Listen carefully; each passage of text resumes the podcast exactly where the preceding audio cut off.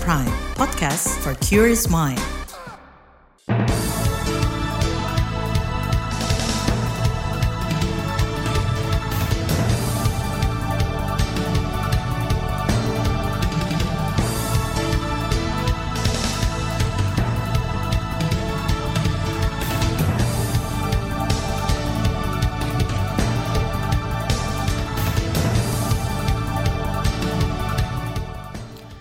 Selamat pagi saudara, senang sekali kami bisa menjumpai Anda melalui program Buletin Pagi edisi Senin 6 Maret 2023. Saya Naomi Liandra.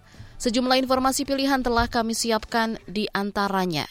Presiden meminta penanganan korban kebakaran depo Pelumpang diutamakan. Menko Polhukam menduga ada yang bermain di balik putusan penundaan pemilu. Liverpool kalahkan MU dengan skor 7-0. Inilah Buletin Pagi selengkapnya terbaru di Buletin Pagi. Presiden Joko Widodo memerintahkan para menteri segera mencari jalan keluar terhadap nasib korban kebakaran terminal bahan bakar minyak TBBM Pertamina Pelumpang, Jakarta Utara. Menurut Presiden, pilihan yang dapat diambil adalah merelokasi depo atau merelokasi warga. Hal ini disampaikan Jokowi usai meninjau posko pengungsian korban kebakaran depo Pelumpang di ruang publik terpadu ramah anak RPTRA Rasela, Rawabadak Selatan, Jakarta kemarin.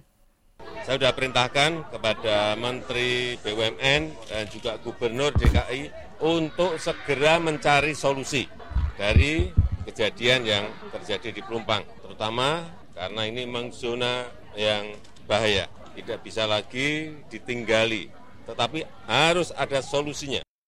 Presiden Jokowi juga meminta seluruh zona berbahaya depo Pertamina dievaluasi dan audit, terutama menyangkut keselamatan masyarakat sekitar. Untuk saat ini Jokowi meminta agar penanganan korban diutamakan. Saudara, depo Pertamina di Pelumpang terbakar pada Jumat malam lalu. Api merembet ke rumah-rumah warga yang berada di sekitar depo. Hingga malam tadi jumlah korban tewas mencapai 19 jiwa dan lebih 40 orang luka. Sementara tiga lainnya masih dalam pencarian dan lebih dari seribu orang mengungsi. Direktur Utama Pertamina, Nike Widiawati, berjanji akan memprioritaskan bantuan untuk korban dan keluarga yang terdampak. Dia juga menjamin Pertamina akan menanggung semua biaya pengobatan, santunan, dan bantuan yang dibutuhkan. Hingga kemarin kepolisian belum mengungkap penyebab kebakaran di depo Pertamina Pelumpang. Kapolri Listio Sigit Prabowo mengatakan telah menugaskan tim gabungan untuk mengusut peristiwa ini dengan metode saintifik. Nah, tentunya untuk mencari, mencari tahu sumber apinya dari mana yang dilakukan pendalaman oleh tim. Saat ini kita sedang mengumpulkan saksi-saksi, kemudian CCTV, dan kemudian hal-hal yang kita perlukan yang sifatnya sangat teknis, sehingga nanti uh, bisa kita jelaskan secara saintifik tentang peristiwa yang sebenarnya khususnya terkait dengan sumber api. Kapolri Listio Sigit Prabowo mengatakan dari informasi awal diduga kobaran api bermula saat pengisian bahan bakar minyak jenis Pertamax yang dikirim dari Balongan, Jawa Barat. Polisi menduga terjadi gangguan teknis yang mengakibatkan tekanan berlebih hingga memicu sumber api. Menteri BUMN Erick Thohir memastikan akan mengusut tuntas insiden kebakaran depo Pertamina Pelumpang. Erick bahkan tidak segan untuk mencopot pimpinan Pertamina sebagai bentuk evaluasi. Kalau saya selalu bilang kan saya sudah pernah copot direksi Pertamina kan.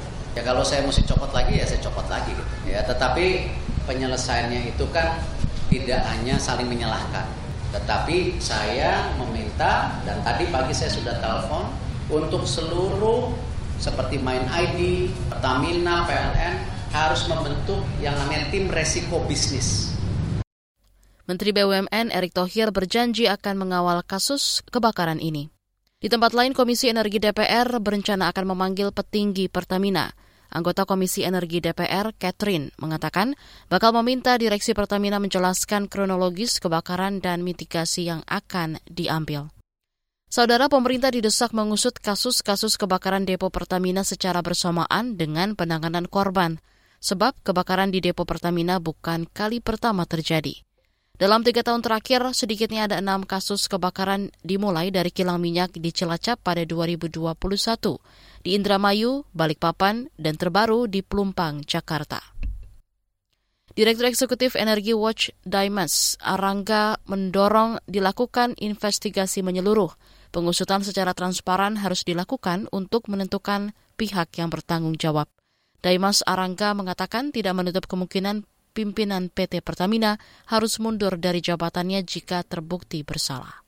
Tentu kita perlu melihat hasil dari investigasi ya. Kita perlu melihat ada aspek apa saja yang akhirnya menyebabkan insiden kebakaran di depo Pelumpang. Nah, ketika kita telah melihat apa-apa saja aspeknya di situ, tentu saja kalau misalnya melibatkan pimpinan Pertamina itu menjadi sebuah konsekuensi yang harus ditanggung sebagai pemegang tanggung jawab area kerja di sana. Direktur Eksekutif Energy Watch, Daimas Arangga, menambahkan Pertamina perlu melakukan perbaikan mengenai penilaian resiko dan mitigasi bencana. Kata dia, Pertamina harus melibatkan pihak eksternal untuk mengaudit sistem prosedur dan implementasi pengamanan. Ia berharap celah-celah keamanan bisa segera diatasi untuk mencegah kejadian serupa terulang kembali. Saudara Menko Polhukam Mahfud MD menduga ada pihak yang bermain di balik putusan penundaan pemilu. Informasinya akan hadir sesaat lagi. Tetaplah di Buletin Pagi KBR. You're listening to KBR Pride, podcast for curious mind. Enjoy!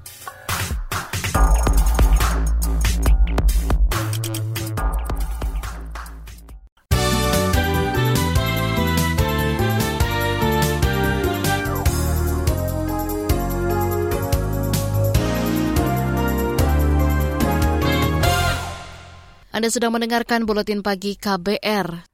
Kita ke informasi pemilu 2024. Kabar pemilu. Kabar pemilu. Pemerintah memastikan tahapan pemilu 2024 tetap dilaksanakan sesuai rencana. Menteri Koordinator Bidang Politik Hukum dan Keamanan Menko Polhukam Mahfud MD mengatakan sudah berkomunikasi dengan pimpinan KPU untuk menindaklanjuti putusan tersebut.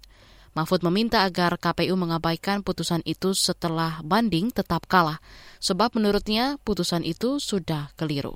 Kalau pemerintah sendiri, pemilu ini akan jalan, ya akan jalan. Kita akan melawan habis-habisan keputusan itu karena putusan itu salah kamar. Menko Polhukam Mahfud MD menduga ada pihak yang bermain di balik putusan tersebut. Dia menilai putusan ini merupakan bagian dari dinamika politik menjelang pemilu. Sementara itu, kelompok masyarakat sipil menilai putusan Pengadilan Negeri Jakarta Pusat yang menunda pemilu 2024 bernuansa politis. Putusan itu memenangkan gugatan yang diajukan Partai Prima kepada Komisi Pemilihan Umum KPU. KPU. Peneliti ICW Kurnia Ramadana mengatakan persepsi publik menduga putusan itu merupakan bagian dari skenario elit politik dan pejabat negara untuk menunda kontestasi pemilu. Apalagi kalau bicara tentang keinginan masyarakat, saya rasa sudah banyak sekali survei yang dilansir. Ada survei indikator politik, ada carta politika, dan ada litbang kompas. Lebih dari 60 persen masyarakat Indonesia meminta agar penyelenggaraan pemilu tepat waktu Februari 2024 mendatang. Dan kalau kita lihat lagi lebih filosofis putusan 757 ini sama sekali tidak menggambarkan nilai keadilan, kepastian, dan juga kemanfaat.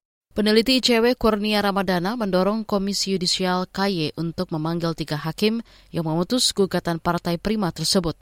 Dalam konteks perdata, ia mendesak KY melakukan eksaminasi atau pengujian putusan hakim untuk diserahkan ke Mahkamah Agung. Kita ke informasi hukum. Tersangka aktivis HAM Haris Azhar dan koordinator LSM Kontras Fatia Maulidianti bakal dilimpahkan ke Kejaksaan Negeri Jakarta hari ini. Keduanya menjadi tersangka pencemaran nama baik terhadap Menteri Koordinator Bidang Kemaritiman dan Investasi Luhut Binsar Panjaitan. Haris dan Fatia dilaporkan Luhut ke polisi terkait unggahan video di YouTube berjudul Ada Lord Luhut di balik relasi ekonomi dan operasi militer Intan Jaya. Jenderal Bin juga ada. Pemerintah akan menyalurkan bantuan sosial untuk menekan inflasi akibat kenaikan harga pangan menjelang Ramadan. Menteri Koordinator Bidang Perekonomian Erlangga Hartarto mengatakan bantuan sosial berupa beras, telur, dan ayam akan disalurkan selama tiga bulan mulai Maret ini. Dan juga kami mengingatkan bahwa bulan Maret ini akan ada survei terkait dengan kemiskinan, sehingga tentu diharapkan kita bisa menahan inflasi agar kemiskinan tidak meningkat Nah, bantuan sosial ini akan dilaksanakan di bulan Maret, April, dan Mei. Kedua, optimalisasi operasi pasar dan pasar murah untuk komoditas pangan strategis dan di sini Kepala Badan Pangan sedang juga mempersiapkan beserta Bulog Menko Perekonomian Erlangga Hartarto menambahkan, pemerintah juga akan mengalokasikan anggaran bantuan atau subsidi ongkos angkutan untuk kelancaran distribusi pangan. Masih dari informasi ekonomi, Gerakan Nasional Pengendalian Inflasi Pangan GNPIP 2022 diklaim berkontribusi menurunkan inflasi pangan secara tahunan. Klaim itu disampaikan Gubernur Bank Indonesia BI Periwarjio saat kick-off GNPIP kemarin. GNPIP biasanya terdiri dari beberapa gerakan seperti budidaya pangan, replikasi model bisnis hingga gerakan menanam. Eh, ini kami luncurkan bulan Agustus tahun lalu eh, dan kemudian awal Agustus dan kemudian diperintahkan diarahkan oleh Bapak Presiden dalam Rakornas eh, TPID pada 18 Agustus pada waktu itu inflasi pangan adalah 11,47 tapi berhasil dengan GNPIP inflasi pangan langsung turun di akhir Desember 5,61. Tepuk tangan bagi kita semua, puji syukur inilah hasil yang sangat luar biasa. Gubernur Bank Indonesia Peri Warjio menjelaskan GNPIP dilakukan melalui gelaran pasaran murah di berbagai daerah. Kata dia, setidaknya BI menjalankan lebih dari 2.000 pasar murah di lebih 40 kantor perwakilan. Kita ke informasi mancanegara. Saudara, empat korban tewas dan 41 ribu warga dievakuasi akibat banjir di Malaysia. Banjir kali ini terjadi akibat hujan lebat selama berhari-hari. Dilansir dari CNN, banjir merendam jalanan, mobil, hingga rumah-rumah warga. Hingga kemarin, hujan masih terus mengguyur dan menghambat proses penyaluran bantuan. Cuaca buruk terjadi di Malaysia sejak November tahun lalu.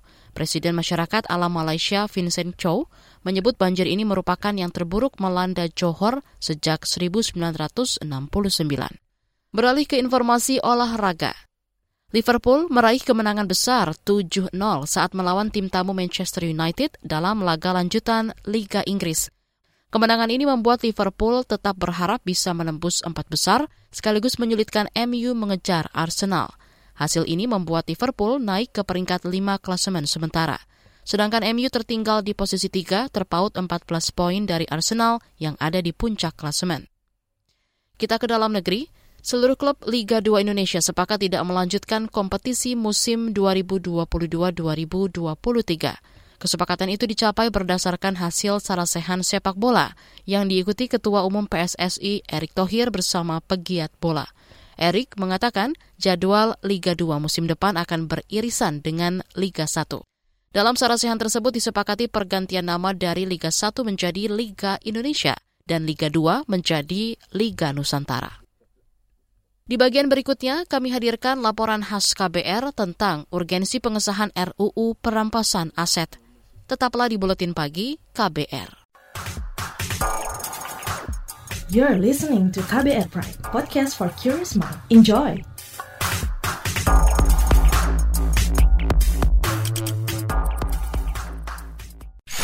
Commercial break. Commercial break. Sekarang kamu nggak bakal ketinggalan berita lagi. Lewat podcast, kamu bisa kembali menyimak apa yang sudah lewat serta obrolan seru di balik sebuah peristiwa. Gak perlu repot download aplikasi lagi. Ketik aja kbrprime.id di browser ponsel pintar kamu dan simak beragam podcast di KBR Prime.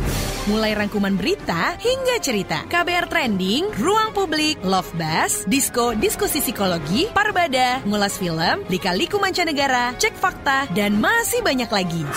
Jadi waktu pas saya mau bunuh diri itu halusinasi saya bilang mati aja buruan sampah katanya mau mati. Teman-teman juga ada pada tahu sih I'm gay. Tapi mereka fine-fine aja sih selama kita baik mereka welcome kok.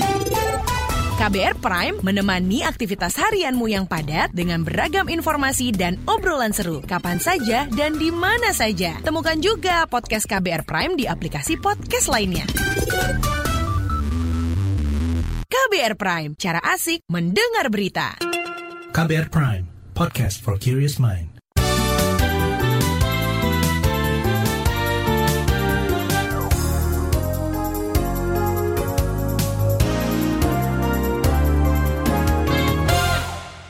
Anda masih bersama kami di Buletin Pagi KBR.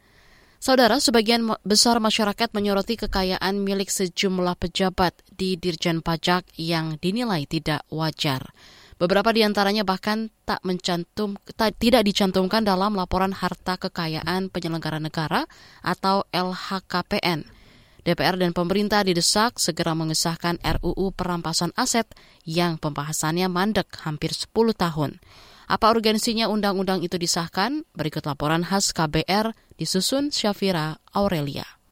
Jumlah kekayaan 56 miliar rupiah milik bekas pejabat Dirjen Pajak Kementerian Keuangan, Rafael Alun Trisambodo menjadi perhatian publik belakangan ini. Besaran kekayaan itu terungkap setelah kasus penganiayaan anak Rafael, Mario Dandi Satrio, terhadap D mencuat. Dalam kesehariannya, Mario kerap memperlihatkan sejumlah kendaraan berharga ratusan juta, semisal Rubicon. Belakangan diketahui Mario merupakan anak Rafael, ex Kepala Bagian Umum Kanwil Pajak Jakarta Selatan II. Berdasarkan LHKPN 2021, Rafael tercatat memiliki kekayaan hingga puluhan miliar rupiah. Presiden Joko Widodo turut menyentil perilaku pejabat pemerintahan yang berperilaku hedonisme. Itu disampaikan Jokowi saat sidang kabinet paripurna di Istana Negara kemarin. Kalau seperti itu ya, kalau menurut saya pantas rakyat kecewa karena pelayanannya dianggap tidak baik, kemudian aparatnya, perilakunya jumawa dan pamer kuasa, kemudian pamer kekua, pamer kekayaan, hedonis, Menurut Jokowi, kasus perilaku hedonis pegawai pajak dan bea cukai telah mengecewakan masyarakat. Untuk itu Jokowi memerintahkan seluruh menteri dan kepala lembaga mendisiplinkan aparat di bawahnya. Instruksi ini juga ditujukan kepada aparat penegak hukum seperti Polri dan Kejaksaan Agung. Wakil Menteri Hukum dan Hak Asasi Manusia atau Wamenkumham Edi Hiarich menyebut negara sebenarnya bisa merampas aset pihak yang melakukan pencucian uang tanpa harus membuktikan kejahatan asalnya. Dasar yang bisa dipakai yakni melalui hukum perdata. Ini disampaikan Edi merespons perdebatan terus muncul mengenai konteks pencucian uang sebagai harta yang diperoleh secara tidak sah. Kalau toh dia mau dirampas oleh negara karena sesuatu yang ilisit yang tidak sah, maka silahkanlah menggunakan sarana keperdataan. Jadi bukan soal membuktikan ada kejahatannya, tetapi persoalan dia memiliki harta yang tidak pantas secara portofolio. Yang itu saya kira PPATK sangat paham apakah ini termasuk profil dia punya harta kekayaan sekian ataukah tidak. Jadi jangan dicampur adukan antara kita melakukan perampasan dalam konteks pencucian uang dengan kejahatan itu sendiri. Wamenkumham Edi mengatakan, saat ini perampasan aset kejahatan di Indonesia mengharuskan ada putusan pengadilan yang mempunyai kekuatan hukum tetap, baru kemudian harta bisa dirampas. Konsep tersebut tidak lagi berlaku di negara-negara barat atau maju yang sudah menerapkan perampasan aset tanpa pemidanaan. Edi mengakui memang butuh perbaikan undang-undang dalam konteks korupsi maupun dalam konteks pencucian uang. Pengamat kebijakan publik Trubus Rahardiansyah mengatakan kasus Rafael membuat publik semakin mencurigai kekayaan milik sejumlah pejabat pemerintah. Ia menilai pemerintah telah gagal dalam mengawasi kekayaan para pejabatnya. Pemerintah sendiri, dalam ini Kementerian Keuangan telah gagal ya melakukan pengawasan secara ketat kepada anak buahnya sehingga uh, di Dijen Pajak itu banyak uh, oknum-oknum pegawainya itu yang apa memiliki kekayaan yang tak wajar gitu. Kan sekarang ada RUU itu apa e, perampasan aset misalnya itu segera digulkan itu terus mengalami pembuktian terbalik itu juga harus digulkan itu. Jadi supaya jadi undang-undang bisa dipayung hukum untuk e, memberantas orang-orang atau ASN-ASN yang sering melakukan apa e, perbuatan perilaku koruptif itu, Mbak. Soal RUU perampasan aset, Ketua Komisi Hukum DPR Bambang Wuryanto mengatakan pembahasan terlambat lantaran pemerintah belum satu suara terkait sejumlah aturan di dalamnya. Selain itu ada kekhawatiran sejumlah pihak bahwa RUU perampasan aset bisa menjadi senjata makan tuan, sebab mereka yang memiliki banyak aset adalah orang-orang yang berkuasa. Menurut peneliti Indonesia Corruption Watch ICW, Kurnia Ramadana, RUU perampasan aset tetap diperlukan untuk membantu menegakkan pemberantasan korupsi. Bagaimana draft RU perampasan aset itu kan berbicara soal kemudahan penegak hukum untuk bisa membawa aset tersebut dalam tanda kutip ke persidangan dan ada mekanisme pembalikan beban pembuktian di sana terhadap pihak-pihak yang mengklaim memiliki aset tersebut. Kalau mereka tidak bisa membuktikan aset itu bukan berasal dari tindak kejahatan, maka negara langsung dapat merampas aset tersebut. Kurnia Ramadana menilai perampasan aset menjadi salah satu hukuman yang dapat memberikan efek jerak pada koruptor. Sebab dapat memiskinkan para koruptor yang memperkaya diri dengan tindakan yang merugikan negara. Demikian laporan khas KBR yang disusun Safira Aurelia. Saya Heru Haitami. Informasi dari berbagai daerah akan hadir usai jeda. Tetaplah bersama Buletin Pagi KBR. You're listening to KBR Pride, podcast for curious mind. Enjoy!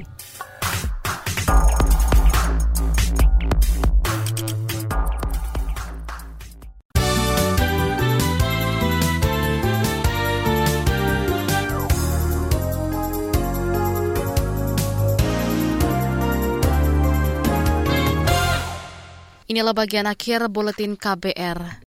Saudara Presiden Joko Widodo meresmikan tiga kolam retensi di Kabupaten Bandung, Jawa Barat. Ketiganya yakni kolam retensi Andir Cinteung, Sodetan Cisangkui. Selain itu, Jokowi juga meresmikan jalan layang di kota Bandung. Total anggaran pembangunan keempat infrastruktur mencapai 1,2 triliun rupiah. Untuk yang Cisangkui, ini menelan anggaran 632 miliar. Yang kolam retensi Cienteng 204 miliar. Yang kolam retensi Andir yang di sini 142 miliar. Duitnya gede banget.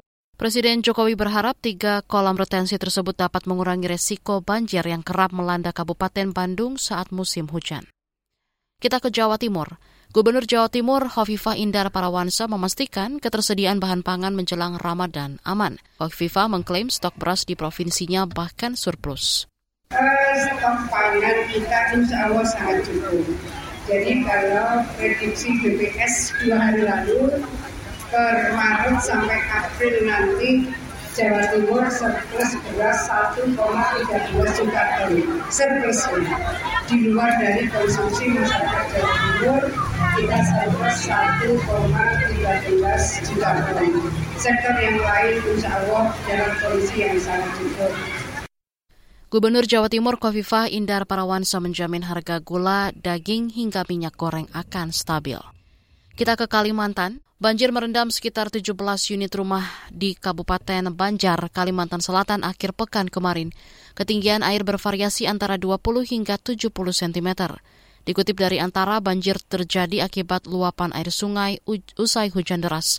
Salah satu warga desa Sungai Rangas, Ulu Sabri mengatakan, Banjir sudah melanda wilayah itu selama hampir satu pekan. Ini merupakan banjir kedua yang terjadi di tahun ini. Kata dia, wilayahnya memang menjadi langganan banjir tiap tahun. Menurut catatan Badan Penanggulangan Bencana Daerah BPBD Kabupaten Banjar, lebih dari 65 orang terdampak banjir. Kita beralih ke berita selanjutnya.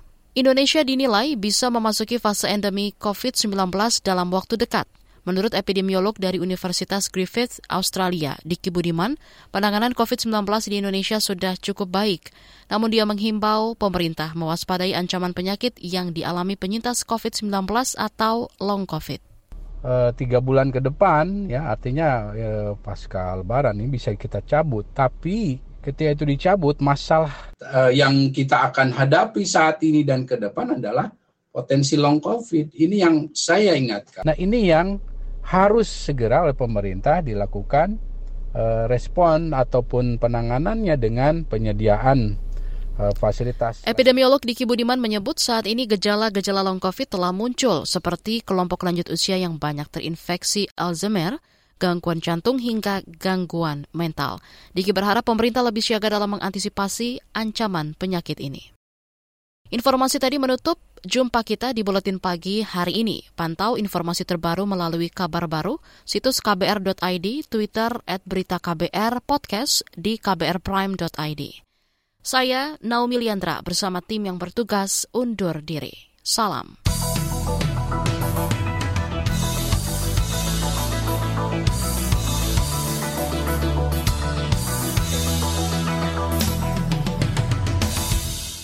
KBR Prime, cara asik mendengar berita.